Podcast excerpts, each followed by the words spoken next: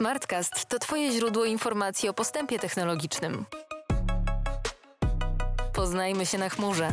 Partnerem cyklu podcastów o technologiach chmurowych jest OHK, który wspólnie z Google Cloud tworzy program dla startupów i scale-upów Let's Get Cloud. Cześć, witam wszystkich słuchaczy podcastu Smartcast. Dzisiejszy odcinek realizujemy we współpracy z OHK, a rozmawiać będziemy o chmurze, ale też i o pieniądzach, czyli o finansowych aspektach wykorzystywania chmury w biznesie. Ja nazywam się Tomasz Popielarczyk, a moimi gośćmi są Jakub Ochnio. Dzień dobry. Oraz Jakub Kułak. Cześć, dzień dobry. Panowie, czy moglibyście w kilku słowach opowiedzieć o sobie, o tym, czym się zajmujecie Dobra. E, e, ja nazywam się Jakub Ochnio, ja pracuję w Chmurze Krajowej już od dwóch lat. Jestem e, cloud advisorem, czyli doradzamy klientom właśnie w transformacji chmurowej, w drodze do chmury, w jaki sposób osiągnąć największe korzyści właśnie z tego, z tego przejścia do chmury obliczeniowej. A ja jestem Jakub Kułak. W chmurze jestem odpowiedzialny za wsparcie techniczne sprzedaży, wsparcie naszych klientów w zagadnieniach, różnych zagadnieniach finansowych, inżynieryjnych, e, dotyczących danych i sztucznej inteligencji. Ja może zacznę tak e, odrobinę przekornie. Mamy 2023 rok, tam w sieci szaleje chat GPT. Generalnie jesteśmy po, po swoistej rewolucji internetowej, spowodowanej też mimowolnie pandemią. Czy firmy kupują jeszcze serwery w, taki, w takich czasach? No, ja myślę, że na takie pytanie jest dość ciężko odpowiedzieć. To tak jakby zadać pytanie, czy się dobrze czujesz i odpowiedzieć jednym słowem dobrze, a, e, a dwóch słowach oczywiście niedobrze się czuję, tak? Jakby w każdym razie głównie chodzi o to, że e, firmy nadal kupują serwery. Tutaj jakby sytuacja jest dość e, stabilna, tak naprawdę to, to jest niezmienny, niezmienny fakt, który jakby cały czas, e, cały czas istnieje, jednak już od dłuższego czasu widać taką swoistą transformację, która odbywa się na rynku IT i coraz więcej przedsiębiorstw właśnie kieruje swoje, mm, powiedzmy, patrzenie strategiczne w kierunku rozwiązań chmurowych, w kierunku rozwiązań bardziej usługowych, bo one dają wielu korzyści e, całym przedsiębiorstwom, tak? Czyli pozwalają na osiąganie większych korzyści, zarówno tych finansowych, jak i tych, można powiedzieć, bardziej operacyjnych, właśnie dzięki wykorzystaniu innowacyjności chmury, tak? E, zrobiono takie badania, gdzie mm, wskazuje się, że ten poziom innowacyjności przedsiębiorstw czy rynku jest ściśle właśnie skolerowany z tym, jakby z uchmurowieniem danego rynku, uchmurowieniem danego przedsiębiorstwa, czyli czym uchmurowienie bardziej rośnie, tym ten poziom innowacyjności również wzrasta, więc można powiedzieć, że tak jak wspomniałem wcześniej, ten kierunek w działaniu, w działaniu chmury, jakby kierunek w dążeniu do wykorzystywania rozwiązań chmurowych jest coraz bardziej widoczny na rynku. Czyli możemy trochę tak powiedzieć, że e, chmura jest trochę takim motorem innowacyjności, trochę zwiększa, zwiększa te możliwości tych, tych, tych biznesów początkujących i, i nie tylko pewnie. Tak, tak, oczywiście. No jakby e, ja mogę powiedzieć, że patrząc z perspektywy rynku, szczególnie IT, 20-30 lat temu ten rynek był dość stabilny. Mieliśmy dużych graczy, dostarczających serwery, macierze do dużych klientów. Często ten, to IT było taką, można powiedzieć, swoistą czarną magią, której nikt nie chciał dotykać, którą e, ludzie zawsze się bali dotykać serwer, żeby na przykład przykładowo czegoś nie popsuć, tak? E, teraz ten świat jest kompletnie inny. Teraz możemy sobie nawet wyobrazić taką sytuację, tak e, można powiedzieć, e, rynek startupów, tak? E, w ostatnimi, ostatnimi czasy powstało wiele firm, które w bardzo szybkim czasie osiągnęły potężne tak naprawdę zyski finansowe, korzyści, dostarczyły produkt do klienta właśnie dzięki takim technologiom jak na przykład chmura obliczeniowa, bo ona właśnie pozwala na szybkie wprowadzenie pomysłu, sprawdzenie, przetestowanie e, i tak naprawdę szybką globalizację też tego produktu, tak? Gdybyśmy sobie wyobrazili, że ja 20 lat temu chciałbym stworzyć jakieś rozwiązanie, dostarczać je globalnie, no to musiałbym pomyśleć o tym, w jaki sposób zapewnić y, dostęp do tego rozwiązania, czy powiedzmy moim klientom ze Stanów Zjednoczonych, czy moim klientom e, z Azji, a w tym momencie, mając chmurę, mogę to zrobić tak naprawdę dosłownie w 5 minut. My często po klientom pokazujemy, że głównymi zaletami chmury jest to, że można szybko uruchomić różne testy i przetestować pomysły, a dopiero w, w, w drugiej kolejności pokazujemy, że to można w jakiś sposób zrobić też taniej niż przy rozwiązaniach on-prem. Czyli nie będzie zbyt dużą nadinterpretacją, jeżeli powiem, że wystartowanie ze swoim biznesem, ze swoim pomysłem dziś jest właściwie prostsze niż kiedykolwiek wcześniej. Ja myślę, że tak, tak można rzeczywiście powiedzieć, bo ten, ta droga od powiedzmy pomysłu do jego realizacji, wykorzystując właśnie technologie chmurowe, jest szybka, jest krótka, tak? Jakby szybko jesteśmy w stanie stworzyć prototyp rozwiązania, zobaczyć, czy ono rzeczywiście działa, tak? Mówi się, że tak naprawdę, gdybyśmy, nie wiem, przykładowo dzisiaj rano usiedli sobie w kawiarni, e, moglibyśmy w trzy osoby tutaj po prostu napisać gotowe rozwiązanie, pokazać, zrobić jakiś prototyp, zaciągnąć jakichś przykładowych pierwszych e, pięć osób i sprawdzić, czy ten pomysł rzeczywiście działa, tak? Czy on ma sens. I jakby chmura właśnie na to pozwala. Kiedyś musiałbym się zastanowić, kupić serwer, zainwestować już od razu, tak? Czyli ten próg wejścia był znacząco większy niż to jest w przypadku właśnie chmury obliczeniowej. A korzystając ze wspomnianego czatu GPT, części kodu nawet nie musielibyśmy sami pisać. E, kiedyś uruchamiając y, serwis, musieliśmy się zastanowić nad, albo skonfigurować serwery, zastanowić się z jakich serwerów skorzystać. E, później utrzymywać te serwery, aktualizować, dbać o bezpieczeństwo, uczyć się o, o modelach sztucznej inteligencji, wyszukiwać w jaki sposób je uruchamiać na swoich serwerach. Natomiast teraz te komponenty są dostępne od ręki y, za pomocą, wystarczy wyklikać je w ciągu dosłownie kilkunastu minut, poczytać kilkanaście minut i można prototypować. Oczywiście, żeby wyjść z tym na produkcję, należy poświęcić trochę więcej czasu, mieć kompetencje i doświadczenie, natomiast pierwsze testy można przeprowadzać dosłownie y, w ciągu godzin przychodzi mi na myśl trochę takie porównanie, pewnie, pewnie duże uproszczenie, ale czy to jest jeszcze prowadzenie biznesu, czy to już układanie klocków Lego? To zdecydowanie idzie w kierunku układania klocków Lego i daje nam więcej czasu na, na skupienie się na, na biznesie, na, na wymyślaniu tego, co ciekawego można dostarczyć naszym użytkownikom i klientom i zmniejsza się potrzeba y, angażowania się w te powtarzalne czynności, jakim jest konfiguracja, uruchamianie, utrzymywanie serwerów, komponentów, narzędzi. A czy dysponujecie jakimiś danymi, jak wygląda adopcja chmury obecnie w Polsce, na świecie? Czy, czy to da się w ogóle zmierzyć? Y, znaczy, ja mogę powiedzieć, że tak patrząc z naszej perspektywy, czyli OHK, firmy, która tak naprawdę powstała 4 lata temu właśnie po to, żeby um, un, un, jak gdyby napędzać innowacje właśnie poprzez tą chmurę obliczeniową, czyli e, mm, jakby adopcję chmury obliczeniowej właśnie w polskich przedsiębiorstwach.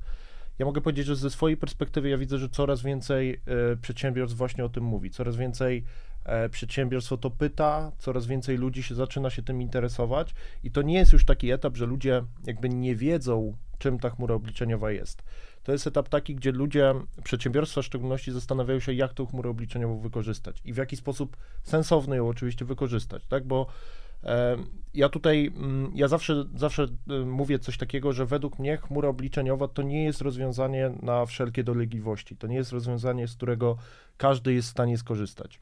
Są rzeczy, które według mnie musimy posiąść, musimy zdobyć odpowiednią wiedzę, musimy wiedzieć, w jaki sposób tą chmurę skonfigurować, w jaki sposób tą chmurę zabezpieczyć, w jaki sposób te wszystkie komponenty ze sobą połączyć, tak żeby stworzyć sensowne rozwiązanie właśnie dla naszego przedsiębiorstwa.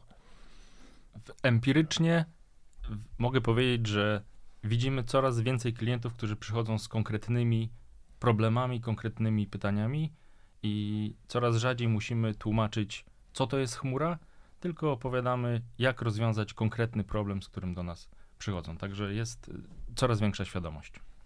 Nawiązując do, do tego, że to właśnie nie jest rozwiązanie dla każdego, to czy chmura ma generalnie wady? Ja myślę, że ciężko tutaj mówić o jednoznacznych wadach, bo oczywiście słyszy się na rynku takie rzeczy, że chmura na przykład jest niebezpieczna, że e, ciężko zarządzać kosztami chmury, bo jest to zupełnie inny model podejścia, tak? Jakby mm, myślę, że chmura w odpowiedni sposób skonfigurowana, e, gdzie my wcześniej, e, konfigurując ją, mamy odpowiednią wiedzę, tak? Czyli zdobywamy tą wiedzę, wiemy jak to zrobić, wiemy jak to w odpowiedni sposób zabezpieczyć. Ja śmiało mogę powiedzieć, że to jest rozwiązanie może nie pozbawione wszelkich wad, ale rozwiązanie, które można skonfigurować w taki sposób, żeby te wady zmitygować, żeby mm, żeby doprowadzić i zbudować takie rozwiązanie, które rzeczywiście będzie nam przynosiło te wszystkie korzyści. Czyli tak generalnie przed planami wdrożenia chmury, jakie warunki należałoby spełnić? Czy, czy, czy są jakieś takie, żeby, żeby, żeby to nazwać prościej, czy są jakieś generalne wymogi względem przedsiębiorstwa, względem projektu, względem firmy, e, żeby mógł on wdrożyć chmurę w swoim, w swoim, w swoim pomyśle, w, swoim, w, swoim, w swojej działalności? Czy, znaczy ja mogę powiedzieć, że tak naprawdę możemy to podzielić na, e, na dwa takie, takie grupy, można powiedzieć, klientów. Klienci, którzy już mają swoje rozwiązania i klienci, których tych, tych rozwiązań jeszcze nie mają albo próbują stworzyć coś nowego. Tak? I teraz przypadku, kiedy mamy już swoje rozwiązanie, no to pojawia się kwestia, w jaki sposób spowodować, żeby to rozwiązanie znalazło się w chmurze obliczeniowej. No i to często bywa długim procesem, tak? To są zarówno procesy stricte związane z technologią, jak i procesy e, stricte biznesowe, tak? My mamy wiele przykładów klientów jako OCHK, których którzy systemy swoje produkcyjne właśnie umieszczają w chmurze obliczeniowej, tak? I to nie są migracje, które odbywają się w dzień, w dwa, w trzy. To są migracje, które są poprzedzone wieloma testami, to są migracje, które są poprzedzone mm, wieloma, tak jakby, jakby można powiedzieć, długą analizą tego, w jaki to sposób najlepszy zrobić, zarówno z perspektywy technicznej, jak i tej biznesowej, tak? Czyli takie łączenie. No i wracając tak, druga grupa klientów, czyli nowe rozwiązania, mm, no to moim zdaniem tutaj jedynym ograniczeniem, które, mm, które może spowodować, że nie będziemy myśleć o chmurze, jest właśnie brak wiedzy. Czyli jakby informacja o tym, w jaki sposób to zrobić, jak to dobrze zrobić, powoduje, że tak naprawdę myślę, że w tej drugiej grupie to ten kierunek chmurowy jest takim kierunkiem, e, który coraz więcej przedsiębiorstw po prostu wybiera. Czyli można właściwie rzucić takim stwierdzeniem, znowu tutaj e, spróbuję, spróbuję trochę uprościć, że chmura jest tak bezpieczna, jak znają ją ludzie ją stawiający, tak? Czy, czy, czy korzystający z niej, inżynierowie.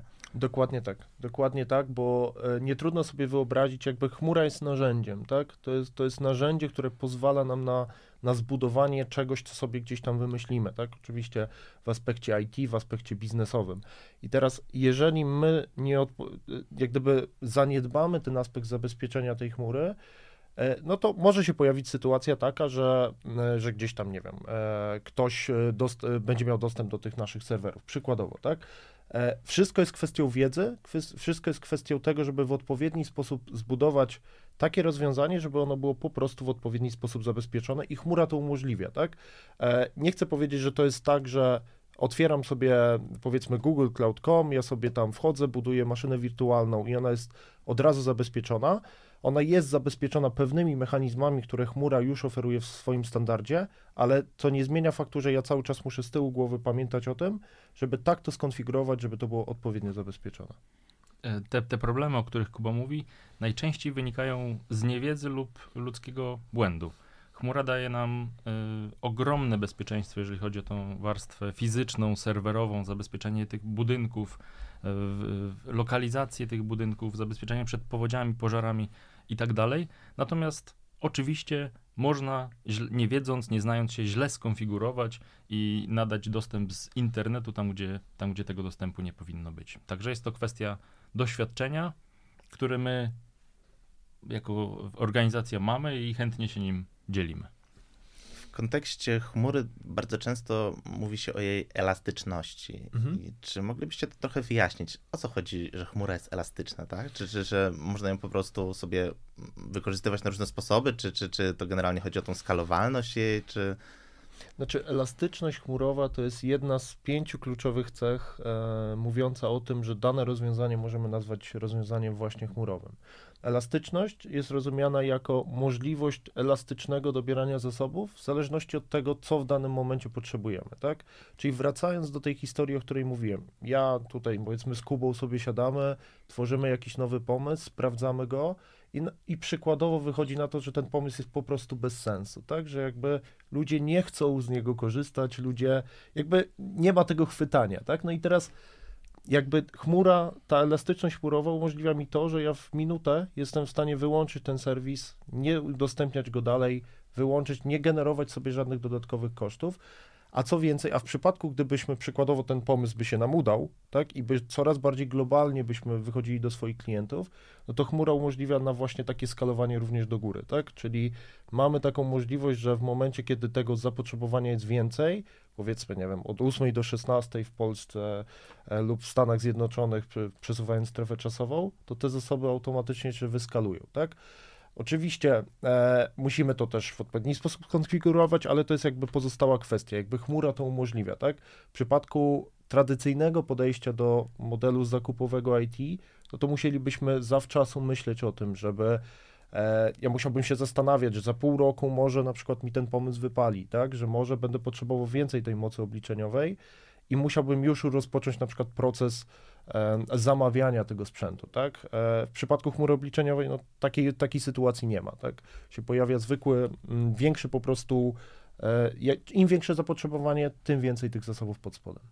A jak to wygląda w kwestii bezpieczeństwa? Bo wyobraźmy sobie takiego początkującego przedsiębiorcę, który stwierdzi, ja nie chcę żadnej chmury, ja sobie postawię serwery u mnie w piwnicy, zamknę tą piwnicę czterema kutkami, nikt mi tam nie wejdzie, moje serwery będą bezpieczne, nikt się do nich nie włamie, nie dostanie i, i, i to jest najlepsze. Jak, jak to parafrazując klasyka, ja chcę mieć kontrolę nad swoimi danymi. Tak, rzeczywiście jakby takie, taki sposób, można powiedzieć, myślenia nadal, e, my też się często z tym spotykamy, że e, ludzie, ja myślę, że to jest związane troszeczkę z brakiem wiedzy, ludzie często wiedzą, jeżeli wiedzą, jak to wygląda, jeżeli są w stanie to zobaczyć, dotknąć, no to czują, że to jest bardziej bezpieczne, tak? W przypadku chmury ja bym powiedział, że troszeczkę nic bardziej mylnego, bo sytuacja jest taka, gdzie często, tak jak w przypadku Google Cloudu, infrastruktura e, chmurowa, która jest również udostępniana dla mnie, dla ciebie, dla Kuby, jakby jest wykorzystywana również po to, żeby świadczyć usługi same, same Google'owe, tak? Czyli wszystkie te serwisy, takie jak mówimy Gmail, YouTube, Google, e, tak, Google Drive i inne wszystkie tego typu aplikacje, które znamy z życia codziennego, korzystają niejako z tej samej infrastruktury, z tej samej sieci, tak? I teraz można powiedzieć, zadać sobie takie retoryczne pytanie, czy, czy lepiej jest, e, czy bardziej zabezpieczone są serwery, o których tam dba zespół, powiedzmy, e, kilku tysięcy inżynierów właśnie z z wielkiej, e, wielkiego przedsiębiorstwa, e, które świadczy właśnie usługi chmury publicznej, czy ja, który trzymam sobie serwer w zamkniętym pokoju. E, myślę, że jakby, tak jak mówię, pytanie dość retoryczne, tak, jakby w przypadku wielu właśnie dostawców chmury publicznej te rozwiązania są również udostępniane wewnętrznie właśnie na budowę własnych aplikacji wrócę tutaj jeszcze trochę do, do tego pomysłu, tak? E, uruchamiacie swój własny biznes, powiedzmy, tak? Ten, ten projekt, on nie wypala, wyłączacie serwery. To, to, to brzmi, że tak powiem, e, tanio, tak? E, nie musicie nic kupować, nie musicie z początku inwestować. A tymczasem wokół chmury krąży trochę takich mitów, że, że, że ona jest jednak droga, że, że to jest jednak innowacyjne i jednocześnie bardzo drogie. Coś tu, jakby mam taki konflikt trochę, trochę w głowie teraz. Gdybyście wyjaśnili to, to trochę, trochę bardziej. Ja bym powiedział, że jest to, tak jak mówisz, krąży taki mit. I jest to, mit jest to na pewno kwestia y, dobrania odpowiednich komponentów, skonfigurowania ich, tak żeby zoptymalizować te, te koszty. Oczywiście jest możliwość nawet przypadkowego, w przypadku niewiedzy, uruchomienia komponentów, które wygenerują duże koszty, natomiast są też mechanizmy, y, którymi można się bronić przed, przed takim, takim podejściem. Natomiast ten, ten temat jest szerszy, y, zahacza o FinOps, o którym pewnie za chwilę będziemy rozmawiać, o sposobie rozliczania tych kosztów i, i kontrolowania. Także ja zdecydowanie zaprzeczam, chmura nie jest droga. Ale da się za nią przepłacić da się za nią, tak jak za wszystko, za, można też raz na rok kupować za dużo serwerów do swojej serwerowni. Tak, gdybyśmy mogli, gdybyście mogli wymienić narzędzia, czy, czy praktyki, czy sposoby, które e, mogą takiego przedsiębiorcę uchronić przed, przed tym przepłaceniem za chmurę, zoptymalizowaniem tych kosztów, to co to by było? Czy ja myślę, że po pierwsze, y, ja będę to troszeczkę mówił jak mantra, ale jakby wiedza. Wiedza na temat tego, jak, e, jak dana usługa, dany serwis, z którego korzystamy, jest rozliczany, tak? Czyli w jaki sposób te koszta tak naprawdę są generowane. Po, poza tą wiedzą, oczywiście taki e, taka informacja, może zaciąganie i wiedza na temat tego, ile tych kosztów zostało wygenerowanych, tak? Czyli taka prosta, można powiedzieć, monitoring tego, co się dzieje z naszym środowiskiem właśnie w aspekcie czysto kosztowym, tak? E, Są mechanizmy natywne chmurowe, które pozwalają nam na takie reaktywne informowanie na temat tego, jak, nasze, jak nasz aspekt, aspekt kosztowy właśnie chmury wygląda, tak? Tutaj mówimy o jakichś alertach, tutaj mówimy o jakichś narzędziach, które pozwalają nam na wyciąganie szybkiej tej informacji w momencie, kiedy coś nieprzewidzianego dzieje się z tymi naszymi kosztami, tak? Więc jakby tych mechanizmów jest trochę, jest, są metody na to, żeby właśnie, można powiedzieć, okiełznać te wszystkie koszty, o których tak, e, tak słyszymy na, na rynku, że one są takie duże i nieprzewidywalne. żeby nie przepłacać, trzeba mieć możliwość kontrolowania tych, tych kosztów, a, a, a teoria kontroli mówi nam, że jeżeli coś chcemy kontrolować, to musimy e, to mieć możliwość monitorowania tego. I tutaj wchodzi temat e, bardzo ciekawy z mojej perspektywy, czyli dane dotyczące billingów i tego, ile i za co płacimy, i samego monitoringu. I powiedziałbym, że monitoring to jest pierwsza, najważniejsza rzecz, w- mająca na celu ułatwienie kontroli tych, tych kosztów, tak żeby każdy zainteresowany, każdy odpowiedzialny za te koszty był w stanie na bieżąco śledzić, ile i na co wydajemy. A czy da się przewidzieć koszty, które pojawią się w przyszłości w kontekście chmury? Ja myślę, że tak jak, tak jak wszystko inne, da się te koszty przewidzieć. Mamy ogromne modele, które przewidują pogodę na, na za dwa dni. Okazuje się, że nie było 6 stopni i słońce, tylko trochę padało. Natomiast y, są narzędzia, które pozwalają to w dużej mierze oszacować. Także nawet wbudowane, natywne narzędzia Google Cloud pokazują y, jakiś tam planowany, y, przewidywany spend chmurowy do, do końca miesiąca na przykład.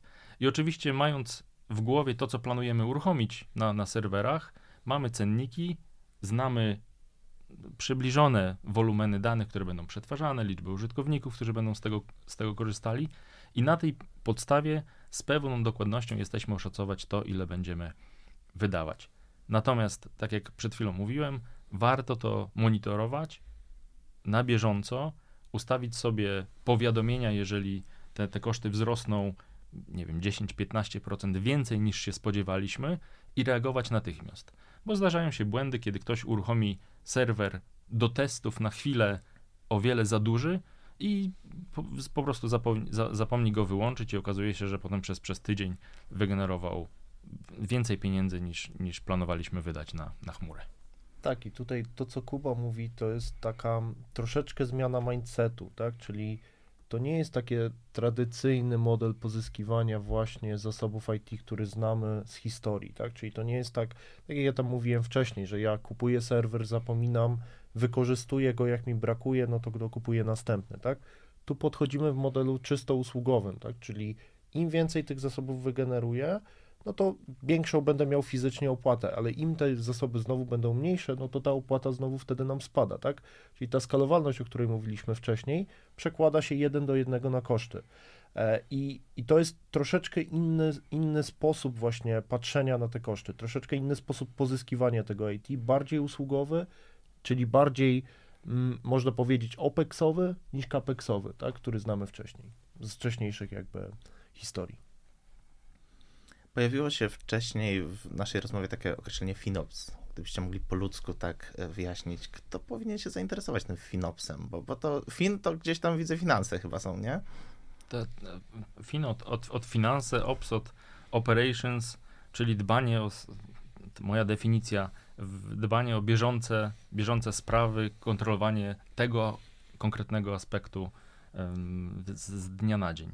Ja bym powiedział, że FinOps, tak jak kiedyś DevOps, to jest mm, sposób rozwiązania pewnego problemu, który pojawił się w momencie, kiedy zaczęliśmy w inny sposób płacić za infrastrukturę. Wspomniany przed chwilą OPEX i CAPEX. Kiedyś zespół zakupów był odpowiedzialny za złożenie zamówienia, zakupienie serwerów fizycznych raz na rok, raz na kwartał. I to było wszystko, co było robione w kontekście infrastruktury. I ona stała, była wykorzystywana mniej lub bardziej. te rozmiary były dopasowane potem w następnym cyklu. W przypadku chmury obliczeniowej odpowiedzialność za te zakupy przechodzi w stronę inżynierów, deweloperów, architektów, administratorów. I zamiast kupować dziesiątki, setki dysków, procesorów, gigabajtów, setek gigabajtów pamięci, y, jesteśmy w stanie kupować mikro, mikro usługi z sekundy na sekundę. Czyli klikamy, dostajemy jakiś dysk, jakieś, e, jakąś moc obliczeniową, z której korzystamy, naty- możemy korzystać natychmiast i możemy ją też wyłączać za chwilę. Także organizacje te, te klasyczne, które były przygo- przy, przyzwyczajone do, do zespołu zakupów, który kupował infrastrukturę, muszą, żeby mieć kontrolę i pogląd na to, co się dzieje, powinny zmienić trochę podejście do tego, jak, jak monitorują i kontrolują te, te koszty. I tutaj wchodzi wspomniany FinOps, który definiuje kilka zasad, dobrych praktyk, metod, sugeruje różnego rodzaju narzędzia, które pozwalają e, zmienić ten, to, to podejście do, do finansów w organizacji, kont- monitorować, kontrolować i dzięki temu docelowo optymalizować te, te koszty chmurowe. Czy żeby skorzystać z tej praktyki finopsowej, musimy spełniać jakieś warunki, czy, czy są jakieś przeszkody, które, które by nas powstrzymywały przed, e, przed przejściem na, na takie e, rozliczanie czy rozwi- roz- rozwiązywanie naszych, naszych problemów finopsami? Wydaje mi się, że nie. Że jedyne, czego potrzeba, to, to chęć i pewność, że to już czas na, na powiedzmy wdrażanie, wdrażanie FinOps. Jestem zwolennikiem mm, unikania przedwczesnej optymalizacji. Także nie, nie zawsze powinniśmy myśleć o, o FinOpsie, zakładając nasz, nasz startup czy uruchamiając usługę. Możemy się skupić na tym chwilę później, jak zobaczymy, że potencjalnie koszty w najbliższym czasie mogą być problemy, albo już powoli zaczynają się wy, wyrywać spod, spod kontroli. Także powiedziałbym, że, że chęci, świadomość i pewność tego, że, że to już czas myśleć po, na poważnie o, o kosztach. Bo oczywiście monitoring od początku jak najbardziej, dbanie o, o rozsądne dobieranie komponentów i skali tego, co, co budujemy, Natomiast wdrażanie kolejnych praktyk, jakieś powoływanie centralnych zespołów finopsowych to jest krok już kolejny. Jak wygląda adopcja e, finopsów na, na świecie, w Polsce? Czy to już jest swego rodzaju standard, z którego każdy korzysta, czy, czy może to jest e, gdzieś dopiero takie, takie nowum swoiste i, i, i- firmy dopiero na to przychodzą? Dobre czasy Finops jeszcze przed nami. Aha, Jest y, wiele firm y, technologicznych głównie, które znają, znają podejście Finops, interesują się to, dobrze monitorują koszty, oferują tego typu usługi, szkolenia innym firmom już od, od, od wielu lat. Natomiast cały czas spotykamy się z klientami, którzy słysząc Finops chętnie dopytują, co to jest i w drugim pytaniu, czy da się to u nich zrobić, bo potencjalnie jest szansa na, na, na zmniejszenie kosztów. no tak, a to w tym wszystkim jest finalnie najważniejsze. Wrócę tutaj jeszcze trochę do, do kwestii tego optymalnego czasu, na, optymalnego czasu na optymalizację, że tak powiem. E, Jakie przesłanki w firmie, jakie, przesłanki, jakie, jakie wydarzenia w biznesie powinny dawać sygnał, że to czas zainteresować się e, takim rozwiązaniem jak Finopsy, czy, czy czas w ogóle zacząć optymalizować koszty? Znaczy, ja myślę, że to, co Kuba powiedział, tak, e, o optymalizacji nie ma, e, nie ma co myśleć za wcześnie, tak, czyli to jest jakiś tam element, który, mm, o którym warto zastanawiać się w momencie, kiedy ta skala naszego biznesu rośnie, tak, kiedy przesta- po, mamy takie poczucie, że przestajemy troszeczkę panować nad tym, co się dzieje w aspekcie czysto kosztowym, tak, i tak jak Kuba tam wspomniał, FinOps tak, rzeczywiście jestem w stanie potwierdzić, że, fi, że praktyka, wykorzystanie praktyki finopsowej, szczególnie jeszcze na rynku polskim, jest jeszcze przed nami. Wiele przedsiębiorstw właśnie monitoruje te koszty, wie, gdzie te koszty jakby są, ale nie wykorzystuje takich praktyk finopsowych, nie wykorzystuje centralnych zespołów, w tym zarządzających. Często to jest jedna osoba, która zarówno zarządza infrastrukturą, jak i zarządza kosztami, tak? Czyli wracając do pytania, nie za wcześnie, podstawy, e, jeżeli chodzi o Finopsy, warto zaimplementować od razu, jeżeli chodzi o jakiś monitoring tych wszystkich zasobów. A jakie przesłanki? Mm, myślę, myślę, że jestem w stanie powiedzieć, że skala biznesu. Skala biznesu jest taką przesłanką, gdzie jeżeli my czujemy, że to naprawdę będzie rosło, to warto zacząć zastanawiać się, w jaki sposób te koszty bardziej zoptymalizować, jakie mechanizmy optymalizacji kosztów wykorzystać. A czy są jeszcze jakieś wyzwania, jeśli chodzi o optymalizację kosztów, które, na które firma może trafić?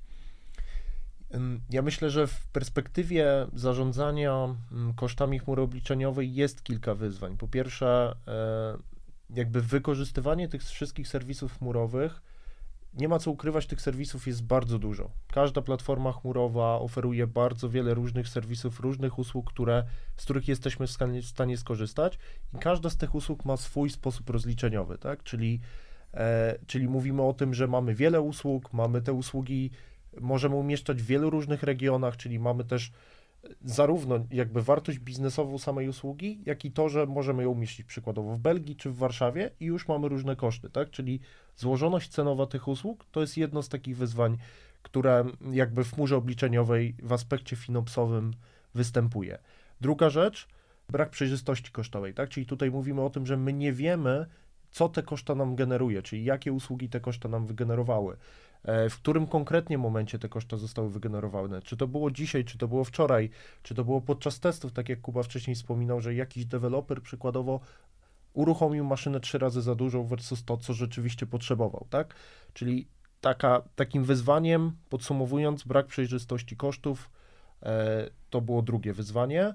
E, trzecie wyzwanie, myślę, że dość też kluczowe, czyli prognozowanie tych kosztów, tak? Czyli my musimy wiedzieć, ile ja tak naprawdę za tą chmurę zapłacę za pół roku, za trzy miesiące, za dwa miesiące, z jakąś tam pewną dokładnością, o której też wspominaliśmy wcześniej, tak? Czyli to nie jest taki aspekt, że my w 100% jesteśmy w stanie powiedzieć, na pewno będzie tyle. Wiele się zmienia na rynku, wiele się zmienia w naszym biznesie, ale jesteśmy, musimy wiedzieć, jak nad tym zapanować. Musimy wiedzieć, w jaki sposób prognozować te koszty yy, i w jaki sposób zdobywać te wszystkie informacje, żeby wiedzieć, jaka ta opłata fizycznie za, za tą chmurę obliczeniową będzie. Dużym wyzwaniem jest też y, bycie na bieżąco z usługami, które y, udostępnia chmura obliczeniowa, bo dobrze napisany y, system, serwis kilka lat temu można często w dość prosty sposób uruchomić w, na innych komponentach, bardziej dedykowanych, bardziej specjalizowanych w danym kierunku i dzięki temu obniżyć koszty działania całości.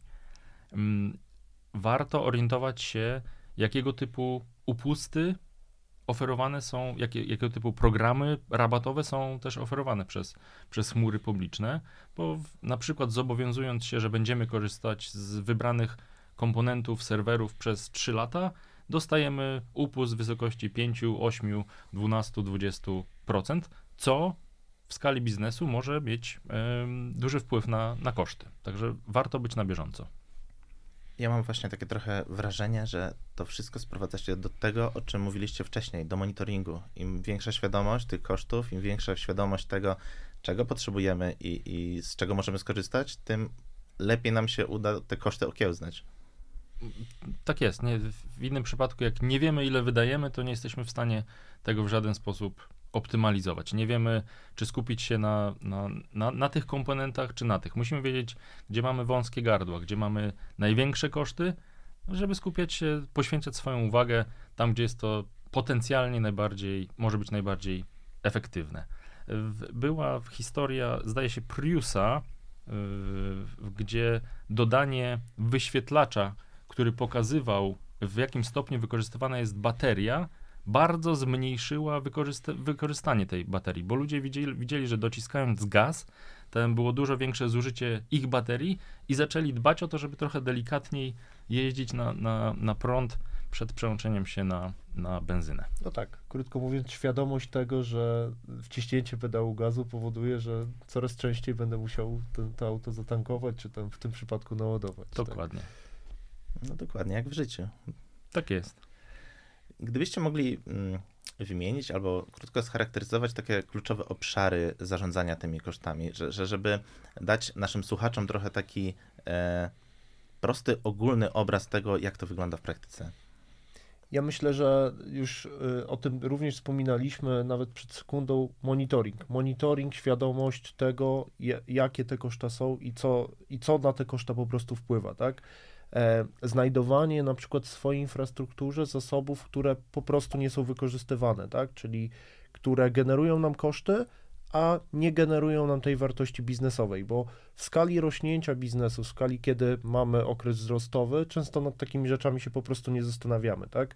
Mamy inne, ważniejsze rzeczy na głowie, mamy rzeczy typu nowy deployment aplikacji, nową wersję aplikacji, dostarczenie tej nowej wartości biznesowej do klienta i zapominamy o takich rzeczach, gdzie warto powiedzmy przejrzeć te wszystkie nasze zasoby, zastanowić się, czy rzeczywiście one są w odpowiedni sposób wyskalowane, czy może warto je zmniejszyć, może pomyśleć na przykład o tym, żeby wykorzystać te skalowalne serwisy, o których mówiliśmy wcześniej, tak, czyli e, serwisy, które wyskalują nam się w odpowiedni sposób w zależności od tego ilości powiedzmy osób korzystających z naszej, e, z naszej aplikacji, tak?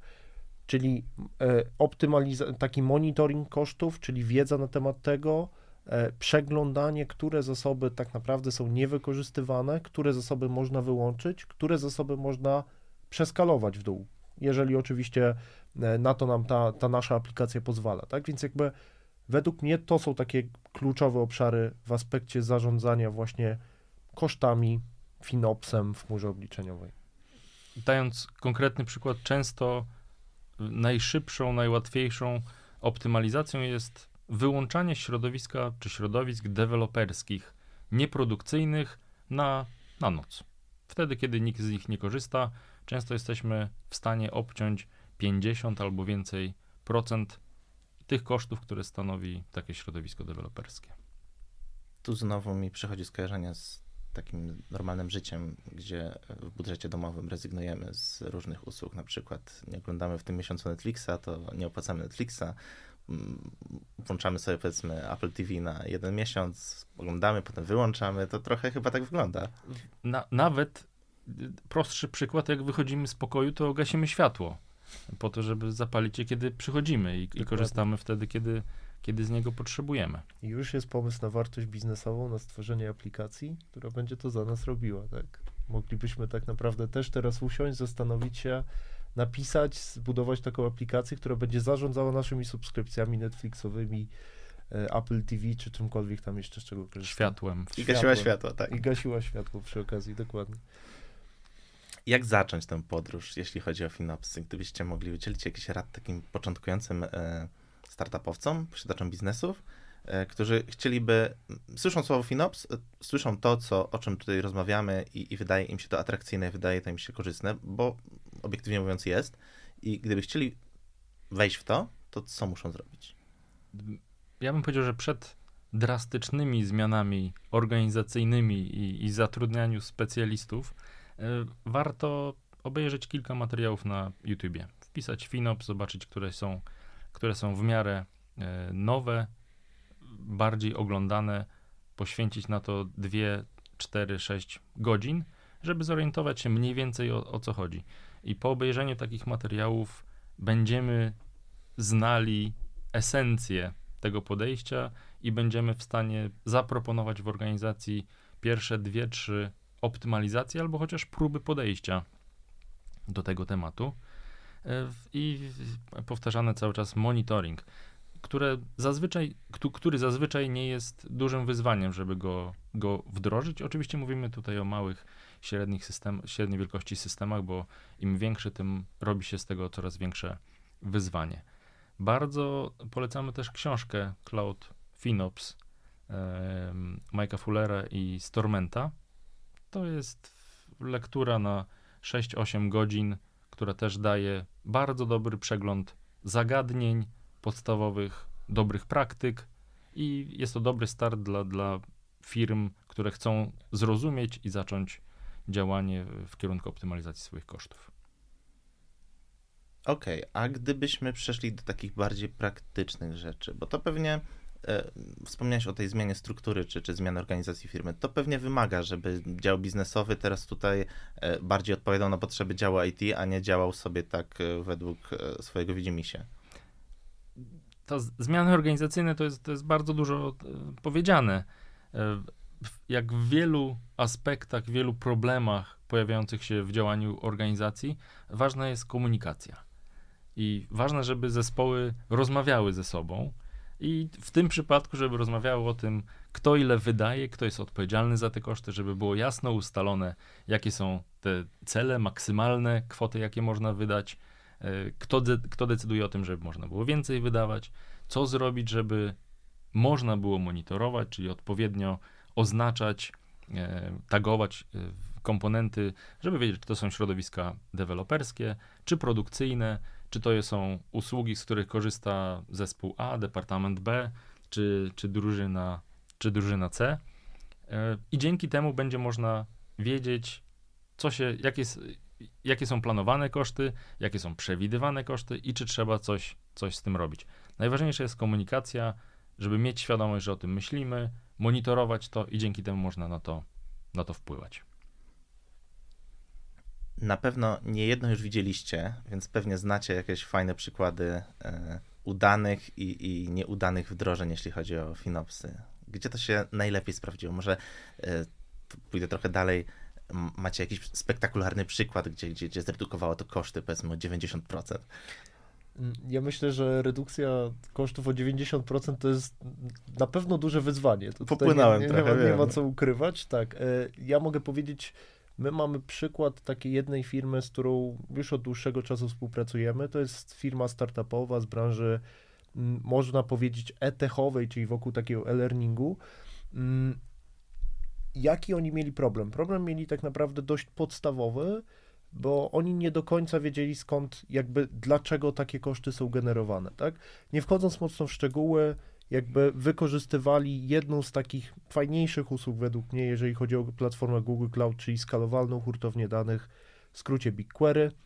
E, ta hurtownia skaluje się w taki sposób, że opłaty generuje, e, generowane są zarówno za liczbę, liczbę, wielkość przechowywanych danych, jak i tak naprawdę wielkość zapytania o te dane, czyli ile informacji z tej hurtowni danych wyciągamy. No i co się okazało? Okazało się, że ich data scientiści, którzy właśnie takie zapytania tworzyli do, tych, e, do, do tej hurtowni danych, tworzyli te zapytania, można powiedzieć, w sposób mało optymalny, tak? I oni po prostu o tym nie wiedzieli. Oni widzieli rachunek, oni widzieli, że te koszty po prostu są duże, e, ale nie wiedzieli dlaczego. My poprzez jakiś dość można powiedzieć, natywne mechanizmy chmurowe. Pokazaliśmy im po pierwsze, w jaki sposób dowiedzieć się, w jakim momencie te koszty są generowane, czyli mówimy o tym takim monitoringu, takim, takich zbieraniu informacji o tym, gdzie te koszty zostały wygenerowane, a po drugie powiedzieliśmy im, w jaki sposób optymalnie pisać te wszystkie zapytania, żeby tych kosztów po prostu było mniej. Oni, z tego co ja pamiętam, to mniej więcej była oszczędność na poziomie 30% wykorzystania tej właśnie usługi co już w ich przypadku przekładało się na naprawdę duże korzyści, e, można, duże, można powiedzieć, dużą taką optymalizację właśnie kosztową w całym ich miesięcznym, miesięcznym rachunku. Tak więc takich przykładów jest wiele. Jakby to jest jeden z takich, można powiedzieć, bardziej natywnych chmurowych. Są też mechanizmy takie, to o czym wspominał wcześniej Kuba, jakieś rezerwacji zasobów, kupowania tych zasobów z większymi rabatami i też takich klientów mamy, gdzie blisko, blisko można powiedzieć oszczędności na powiedzmy maszynach wirtualnych, które tradycyjnie uruchamiamy w środowiskach chmurowych, są blisko 60% w skali jednego miesiąca, tak? To już są ogromne koszty, rzeczy, o których po prostu warto myśleć. Ja nie chciałbym obiecywać nie wiadomo czego, ale każdy z nas, albo większość z nas w chmurze krajowej widzieliśmy setki billingów z różnych chmur i zdarzało się często, że nawet po, po przejrzeniu takiego billingu miesięcznego, po godzinnych warsztatach, rozmowie z architektami, inżynierami od klienta, byliśmy w stanie od ręki zasugerować kilka optymalizacji, które gdzieś tam wpływały na, na optymalizację tych kosztów i powodowały zadowolenie naszego klienta. To dla równowagi muszę też zapytać, gdzie to się nie sprawdziło. Czy były takie sytuacje, gdzie gdzie jednak e, ta optymalizacja nie, wiem, nie dała takich wymiernych efektów. Ja mogę powiedzieć, że może nie to, że się nie sprawdziło, ale mogę powiedzieć, że mamy. Ja. jakby to powiedzieć, że mieliśmy wielu klientów, którzy już te mechanizmy mieli zaimplementowane, tak? Czyli klienci, którzy mieli świadomość tego, gdzie te koszta są, jak te koszta są generowane. I w przypadku świadomych klientów osiąganie jeszcze większych korzyści, powiedzmy, z optymalizacji już zaczyna być coraz trudniejsze, tak? No bo jakby oni już tą świadomość mają, więc nie chciałbym powiedzieć, że, e, że jakby to się tutaj nie udało, tak? Bo ja mogę powiedzieć, że nie znam takiego przypadku, gdzie to się po prostu nie udało, tak? Jakby myślę, że warto o tym zawsze myśleć, to co mówiliśmy wcześniej, nie za wcześnie, jakby sprawdźmy, wygrzejmy ten swój biznes, zobaczmy jak to rzeczywiście działa, wtedy myślimy o tym, jak optymalizować te koszty, tak? Bo jeżeli za wcześnie zaczniemy to robić, to zaczniemy zbyt wiele analizować, przestaniemy dostarczać tą wartość biznesową kluczową dla naszych klientów, a skupimy się na aspekcie czysto kosztowym, tak? Więc, e, więc tak, to mogę tak powiedzieć, że jakby nie znam przypadku, kiedy to się po prostu nie udało. Ja mam cytat tutaj, że przedwczesna optymalizacja jest źródłem wszelkiego lub przynajmniej większości zła w programowaniu. Y, Cytat Donalda Knuta, matematyka profesora y, informatyki na Stanfordzie i tak, przenosi się to jeden do jednego tutaj na te systemy chmurowe, żeby nie robić niepotrzebnych rzeczy za wcześnie. I kiedy jest za wcześnie, to mówiliśmy już przed chwilą, także tu nie będę rozwijał tej myśli dalej. Ale też mam takie wrażenie, że nie da się optymalizować w nieskończoność, bo, bo, bo takie właśnie, Jakub mówisz, że w pewnym momencie gdzieś e, pogoń za tą redukcją kosztów e, sprawi, że ucieknie nam ten, ten, ten biznesowy core naszego, naszego projektu, nie? Tak, no oczywiście, no jakby nie ma co ukrywać. Zawsze coś generujemy, tak? Zawsze musimy te zasoby powołać. Są metody na to, żeby te zasoby powołać taniej, ale to nie znaczy, że jesteśmy w stanie to optymalizować cały czas do zera i zmniejszać te opłaty i po prostu nie płacić za nic e, i dostarczać tą, tą naszą chmurę, tak? Uruchamiać te zasoby w chmurze. do zera nie, ale warto śledzić, jakie komponenty i usługi powstają w chmurze, bo trzy komponenty, z których teraz korzystamy do rozwiązania pewnego problemu, możemy nagle zastąpić jednym, który może jest nawet tańszy niż, niż, niż każdy z, z tamtych trzech.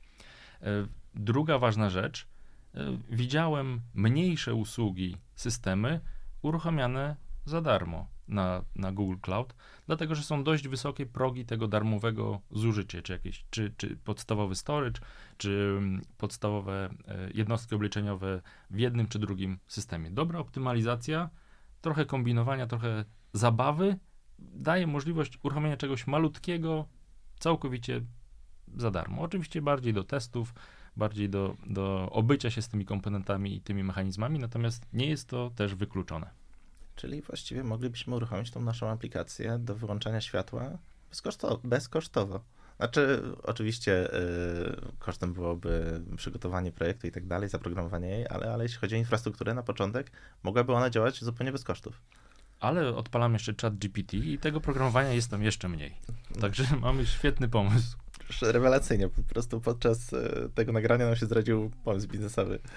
E, Słuchajcie, tak zmierzając ku końcowi, e, gdybyście mogli jakichś kilku rad na zakończenie udzielić w kontekście tej optymalizacji kosztów, czy w ogóle efektywnego wykorzystania chmury w swoim biznesie, czy to małym, czy to, czy to, czy to, czy to może większym. Tak w dużym skrócie, podsumowując właśnie naszą rozmowę, mm, praktyczne rady dla, dla, dla, dla przedsiębiorców. Komunikacja na, na bieżąco między zespołami, y, wspólne zarządzanie oczekiwaniami, tak żeby była jasność, kto za co odpowiada, jakie są plany na, na koszty y, wykorzystania chmury i narzędzia pozwalające na, na, na bieżący, bieżące kontrolowanie, przez co przede wszystkim monitoring, żeby widzieć, na co wydajemy, jeżeli coś poszło, zostało błędnie skonfigurowane, żebyśmy to widzieli za godzinę, czy najpóźniej następnego dnia rano i żeby się nie okazało za miesiąc, że przez cały miesiąc było uruchomione coś, co było niepotrzebne i generowało niepotrzebne koszty. No i zdecydowanie polecam lekturę książki, obejrzenie kilku materiałów podstawowych na, na YouTube, tak żeby zrozumieć podstawy, esencje i dalej rozwijać to w swojej organizacji. Tak, czyli wiedza, monitoring, optymalizacja. nie przedwczesna. Dokładnie tak. To jest super. Dziękuję Wam za bardzo ciekawą rozmowę. Dziękuję naszym słuchaczom też. I jeśli interesują Was nowe technologie, szczególnie te, które podbijają, zmieniają świat biznesu, zachęcam gorąco do subskrybowania Smartcastu i do usłyszenia w kolejnych odcinkach. Dzięki. Dzięki bardzo. Dzięki, cześć. Smartcast to Twoje źródło informacji o postępie technologicznym. Zajrzyj na smartcast.pl i subskrybuj nas na ulubionej platformie.